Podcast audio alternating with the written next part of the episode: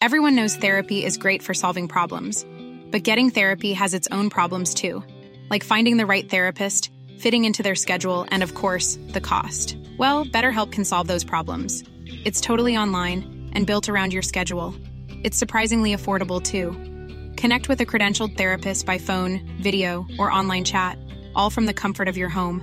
Visit betterhelp.com to learn more and save 10% on your first month. That's BetterHelp H E L P.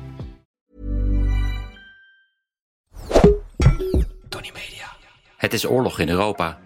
Gaan we allemaal dood in een kernoorlog? Nee, ik denk het niet. Gaat deze oorlog de wereld veranderen? Dat weet ik zeker. Met deze podcast probeer ik grip te krijgen op de oorlog. Elke dag houd ik je hier op de hoogte van de situatie in Oekraïne en Rusland. Eerst een boodschap van onze sponsor en dat is vandaag Oomverzekeringen. Eh, Oomverzekeringen is een kleine en persoonlijke nicheverzekeraar die al langer dan 80 jaar bestaat. Ga je voor langere tijd naar het buitenland? Oom is er voor mensen met ongewone verhalen die gewoon goed verzekerd willen zijn. Dat geldt ook voor mij. Ik vertelde eerder al dat oom mij gerepatrieerd heeft met een gebroken rug uit Moermansk. Maar oom gaat verder dan andere verzekeraars. Uh, ze verzekeren ook in gebieden met een negatief reisadvies. Uh, zoals in 2008, toen ik embedded zat bij het Russische leger. Het Russische leger stond op het punt om Georgië binnen te trekken. Uh, trouwens, een oorlog waar toen iedereen zijn schouders bij ophaalde. En ik zat al dagen te wachten in Vladikavkaz aan de Russische zijde tot ik uh, mee mocht. En toen ineens bij het ontbijt kwam een Russische officier naar me toe en die zei: We vertrekken over tien minuten. En oh ja, zorg ervoor dat je voor drie dagen eten bij je hebt. Um, ik ben toen naar mijn kamer gegaan. Ik heb een Albert Heijn tas gepakt. Die heb ik altijd bij me, want die komt om een van de redenen altijd van pas. Ik ben terug naar de ontbijtzaal gegaan. Ik heb het hele ontbijt buffet in die Albert Heijn tas gedaan. Jammetjes, roerei, alles. En daar heb ik uh, drie dagen van geleefd. En oom, die zorgde voor de rest. Uh, maar oomverzekeringen doet ook een heleboel andere dingen. Ze regelen ook de ziektekostverzekeringen voor Oekraïnse vluchtelingen in Nederland. Bijvoorbeeld, maar nog veel meer. Er staat een link naar oom in de show notes. En dit gebeurde er op dag 57 van de oorlog. Ja, nog steeds geen grote veranderingen aan het 500 kilometer lange front in het oosten van Oekraïne. Langs het hele front waren artilleriebeschietingen van de Russen. Die probeerden twee dorpen bij de stad Slavjansk in te nemen. Slavjansk is een belangrijk knooppunt. Oekraïne heeft de tegenaanval ingezet ten zuidoosten van Kharkiv. En daarmee proberen ze Russische aanvoerroutes eh, te stoppen. Ook heeft Oekraïne een dam vernietigd in de Oskilrivier. Uh, ze hebben daarmee een gebied laten overstromen. En daardoor zitten Russische panzervoertuigen vast in de modder. Een vergelijkbare tactiek hebben ze ook al toegepast bij Kiev in maart, met succes. Ja, sinds het ontdekken van die moordpartij in Bucha zijn de vredesbesprekingen stilgelegd. En er is nu een initiatief van de Verenigde Naties uh, vanuit secretaris-generaal Antonio Guterres. Uh, die heeft Zelensky en Poetin uitgenodigd voor vredesbesprekingen. Maar het, de vraag is of die twee daar al klaar voor zijn om elkaar face-to-face -face te zien. Dat lijkt eigenlijk veel te vroeg. In Gerson, de enige grote stad die is bezet door Russen, zijn Russen van plan om een referendum te houden. Voor weer een klein republiekje. Nu de Volksrepubliek Gerson. Rusland gaat het nog druk krijgen met al allemaal ambassades in deze kleine republiekjes. Referendum natuurlijk tussen vette aanhalingstekens. Uh, het is dezelfde tactiek die ze hebben toegepast in 2014 in eh, Donetsk en Luhansk. En het verzet in Gerson tegen de Russen is groot. Ik zet een link in de show notes van een uitstekende reportage van Nieuwsuur, waar je dat goed kan zien. Uh, gisteren werd in Gerson Valery Kuleshov doodgeschoten. Hij collaboreerde met de Russen. Hij zou de politie daar gaan leiden. En ja, dat verzet van de Oekraïners is een teken van wat de Russen te wachten staat in andere gebieden. Uh, die ze mogelijk gaan bezetten, als dat ze al lukt. Oké, gaan we nu door naar de Russische media. Ja, veel gedeeld op de socials. Uh, de felicitaties voor de verjaardag van Adolf Hitler gisteren. Van een Russische soldaat van de zogenaamde Rusich-eenheid. Een paramilitaire groep met uh, neonazi-sympathieën. Hij zei in de post: Hitler leerde mij te vechten voor het land van mijn voorouders. Um, op de Russische staatstv in een programma dat Nieuws van de Week heet, En dat drie uur duurt. Zegt ook wat over de indoctrinatie van de kijker. Van die drie uur werd maar liefst 30 seconden gewijd aan het zinken van het vlaggenschip de Moskwa. Maar wel uitgebreid zendtijd op tv voor het lanceren van een nieuwe kernraket. De militaire oorlog loopt niet echt zoals de Russen hadden verwacht. Om zacht uit te drukken, die cyberoorlog waar iedereen op rekende valt ook tegen. Daar kom ik morgen nog op terug. Blijft over de 6257 kernkoppen waar de Russen over beschikken. En het ging om de lancering van een eh, experimentele raket, de Sarmat. Vernoemd naar de Sarmaten, een Persisch-talig steppenvolk uit de oudheid. Ironisch genoeg leefden zij voornamelijk tussen de rivier de Donets en de Don, wat het hartland van Oekraïne is.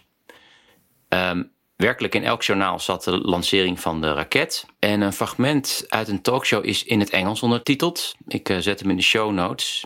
En daar kan je goed zien hoe gelikt die Russische tv er vaak uitziet. Uh, het geld voor propaganda is verdrievoudigd sinds het begin van de oorlog. De laatste drie maanden is 200 miljoen euro uitgegeven aan uh, de propaganda op tv. Dat is even ter vergelijking, dat is het dubbele van het budget voor de stad Voronezh, een stad met een miljoen inwoners. Van het jaarlijkse budget dus. En dat kan je ook zien aan de beelden. Zelfs al laat je de inhoud los, alles ziet eruit als een soort van gelikte actiefilm, bijna een soort oorlogsporno. Uh, in het fragment zie je dat de raket wordt gelanceerd op een metershoog scherm waar de presentator voor staat.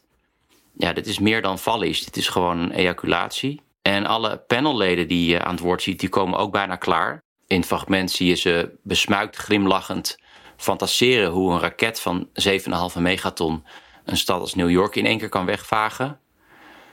En daarmee geven zij zelf en de kijker uh, het gevoel van eigenwaarde. En een veel geliked commentaar op de Russische socials naar aanleiding van dat fragment vat het goed samen. Iemand had geschreven: Oké, mijn dorp is nog steeds niet aangesloten op de waterleiding. En ik kak nog steeds in een huisje op het erf. En alle opbrengsten van olie en gas gaan naar superjachten voor de elite en naar bommen en tanks in een oorlog die niemand wil, maar hebben mooi maar wel kernraketten die in één klap New York kunnen wegvagen. Zo armoedig dat je identiteit en eigenwaarde haalt uit zo'n domme kernraket. Oké, en dan nog dit. Op het slagveld vertoont het Russisch materieel allerhande problemen, vaak door corruptie. Door het wegsluizen van geld blijft weinig over voor goed materiaal. Ik noemde in deze podcast al een straaljager met een GPS-zender uit de winkel, een, uh, een drone met een Canon spiegelreflexcamera en een waterflesje als benzinetank.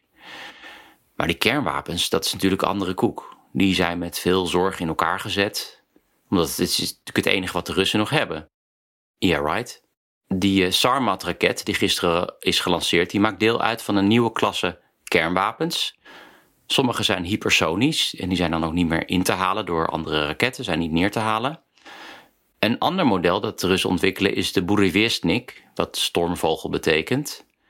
De Russen hadden het lumineuze idee om een kernraket te ontwikkelen die wordt aangedreven door kernenergie.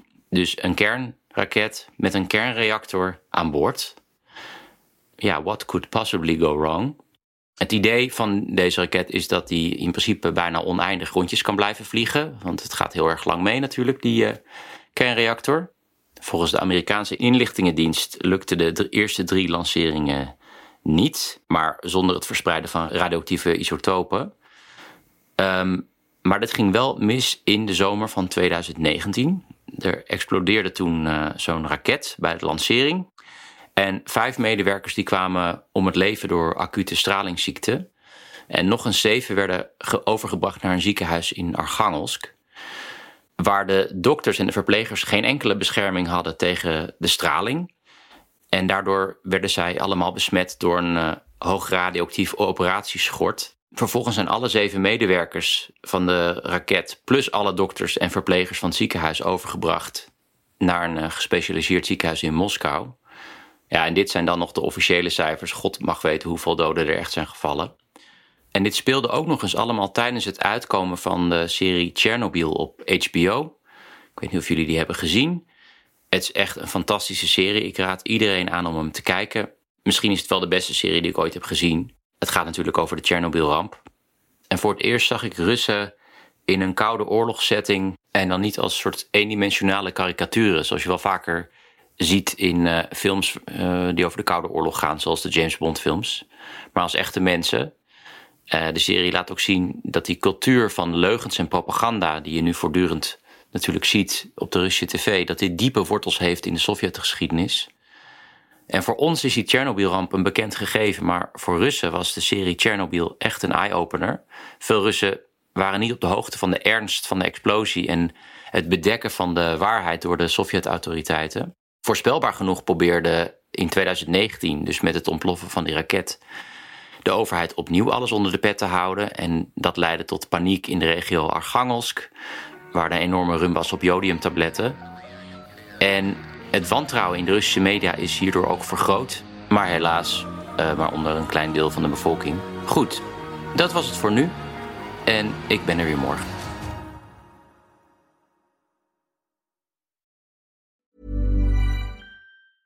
Planning for your next trip? Elevate your travel style with Quince. Quince has all the jet setting essentials you'll want for your next getaway, like European linen, premium luggage options, buttery soft Italian leather bags, and so much more. And is all priced at 50 to 80% less than similar brands. Plus, Quince only works with factories that use safe and ethical manufacturing practices.